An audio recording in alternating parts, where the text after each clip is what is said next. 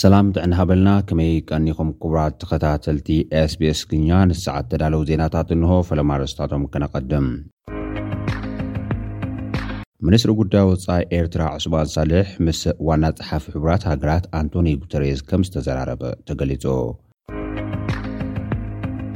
ኣብ ትግራይ ካብ ዝቕፅል ሰሙን ጀሚሩ ብሄራዊ መዓልቲ ሓዘን ክእወጅ ምዃኑ ተሓቢሩ። መገዲ ኣየር ኢትዮጵያ ንመዕርፎ ነፈርቲ ኣክሱም ክፅግኑ ዝኽእሉ ኮንትራክተራት ኣብ ምሕራይ ከምዝርከብ ኣፍሊጡ።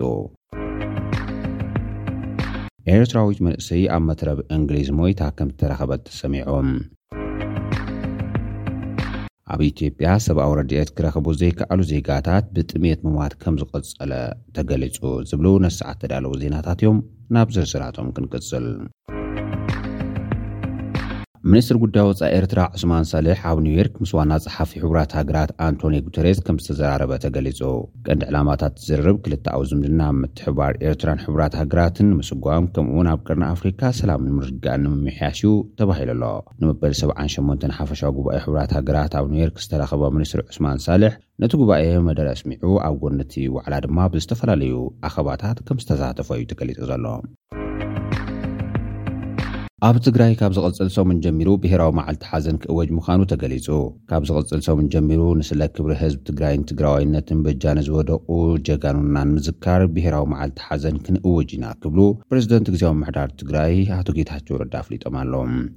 ትማል ምሸት ኣብ ዝነበረ ጽምብል ድሮ በዓል መስቀል ኣብ መቐለ ጎቦ ጮምዓ ተረኺቦም ኣብ ዘስምዕዎ ዘረባ፣ በዓል መስቀል ኣብ ጮምዓ ነኽብሮ ዘለና፣ እዚ በዓል ክነኽብር ከለና ነዚ ኣንጻራዊ ሰላም ረኺብናዮ ዘለና ብዙሓት ኣሽሓት መላምል መናእሰይ ከፊልና ኢና፣ ምእንቲ'ዚ ድማ ስለ ክብሮም ክበሃል ብሄራዊ ሓዘን ኣብ ክልልና ክእወጅ'ዩ ክብሉ'ዮም ገሊጾም።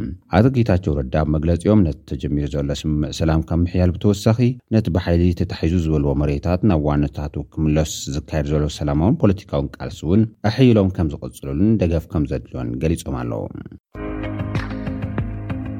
መገዲ ኣየር ኢትዮጵያ ብኲናት ትግራይ ብኸቢድ ንዝዓነወ መዕርፎ ነፈርቲ ኣክሱም ክፅግኑ ዝኽእሉ ኮንትራክተራት ኣብ ምሕራይ ከምዝርከብ ኣፍሊጡ። እቲ መገዲ ኣየር ዳግም ብዝወፀ ናይ ጨረታ ምልክታ መዕርፎ ነፈርቲ ኣክሱም ክፅገን ከምዝደሊ ዝሓበረ ኮይኑ ብብርኪ ክልተን ልዕሊኡን ዝስርዑ ላዕለዎት ኮንትራክተራት ዓዲሙ ከምዘሎ ኣፍሊጡ'ሎ። መገዲ ኣየር ኢትዮጵያ ኣብ ዝሓለፈ ወርሒ ነሓሰ ክልተ ሽሕን ዓሰርተ ሓሙሽተን ዓመተ ምህረት ነቲ ጨረታ ክዛዝሞ ፈቲኑ ግን ድማ ብመሰረት ዕድጊት እቲ ኩባንያ እኹል ቁጽሪ ዘለዎም ተወዳደርቲ ኣብቲ ጨረታ ስለዘይተሳተፉ ክዕወት ከምዘይከኣለ እዩ ገሊጹ። ኩሉ መሰረት ልምዓት መዕርፎ ነፈርቲ ኣክሱም ከምዝዓነወ ዝገልጽ መገዲ ኣየር ኢትዮጵያ፣ ሕዚ ብቐዳምነት ዝግበር ዕማም ግን ኣብ ፅገናን ምሕዳስን መሐንበቢ ነፈርትን ህንፃ ተርሚናላትን ትኹረት ከምዝገብር ኣፍሊጡ ኣሎ። ኣቐዲሙ ዋና ፈፃሚ ስራሕ ጉጅለ መገዲ ኣየር ኢትዮጵያ ንጋዜጠኛታት ኣብ ዝሃብዎ መግለፂ፣ ኣብ ኲናት ትግራይ ከቢድ ጉድኣት ዝበፅሖ መዕርፎ ነፈርቲ ኣክሱም ንዳግመ ህንፀቱ ልዕሊ ክልተ ሚእቲ ሚልየን ብር ከምዝመደበ ገሊፁ ነይሩ እዩ። ኤርትራዊት መንእሰይ ኣብ መትረብ እንግሊዝ ሞይታ ከምዝተረኽበት ተሰሚዑ። ጓል ዕስራን ኣርባዕተን ዓመት ምዃና ዝተነግረላ ሓንቲ ኤርትራዊት መንእሰይ ናብ ዓዲ እንግሊዝ ኣብ ዘስግር ገማግም ባሕሪ ካሌ ፈርንሳይ ካብ ጀልባ ወዲቓ ጥሒላ ከም ዝሞተት ቢቢሲ ሓዊስካ ማዕከናት ዜና ዓዲ እንግሊዝ የቃላሓ ኣለዋ። እታ ስማ ዛጊድ ዘይተነጸረ መንእሰይ ሬሳኣ ብሰሉስ ንግሆ ከም ዝተረኽበን ናብ ዓዲ እንግሊዝ ብምስጋር ዑቕባ ክትሓትት ሓሊና ዝነበረት ስደተኛ ምዃናን እቲ ሓበሬታ ኣመልኪቱ'ሎ። ምንጭታት ምርመራ ፖሊስ ከም ዘረጋግጽዎ ድሕሪ'ቲ ምሉእ ለይቲ ክካየድ ዝሓደረ ዋሕዚ ስደተኛታት ሬስኣ ካብ ካልይ ገማግም ባራልዮት ብናይቲ ከባቢ ኣቆጻጽራ ሰዓት ሓሙሽተ ን ኣርባዓ ደቓይቕን ወጋሕታ እዩ ተረኺቡ።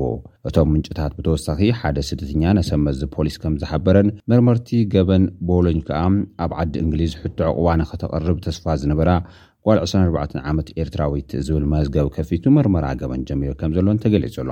ሕክምናዊ ምርመራ ገና ይካየድ ኣሎ፣ እንተኾነ ካብታ ጀልባ ድሕሪ ምውዳቓ ብኡ ንብኡ ምሟታ ኣየጠራጥን ይብል እቲ ሰነድ። ኣብ ርእሲ'ዚ ኣባላት ምርመራ ፈረንሳይ፣ ኣብታ ተሳፊራትላ ዝነበረት ግን ከኣ ናብ ዓዲ እንግሊዝ ኣትያ ክትከውን ከምትኽእል እትግመት ጃልባ ካብ ዝነበሩ ሰገርቲ ስደተኛታት ቃል ንምርካብ ንሰበ ስልጣን ስደተኛታት ብሪጣንያ ሓገዝ ሓቲቶም ከምዘለዉ'ውን እቲ ሓበሬታ ኣመልኪቱ'ሎ።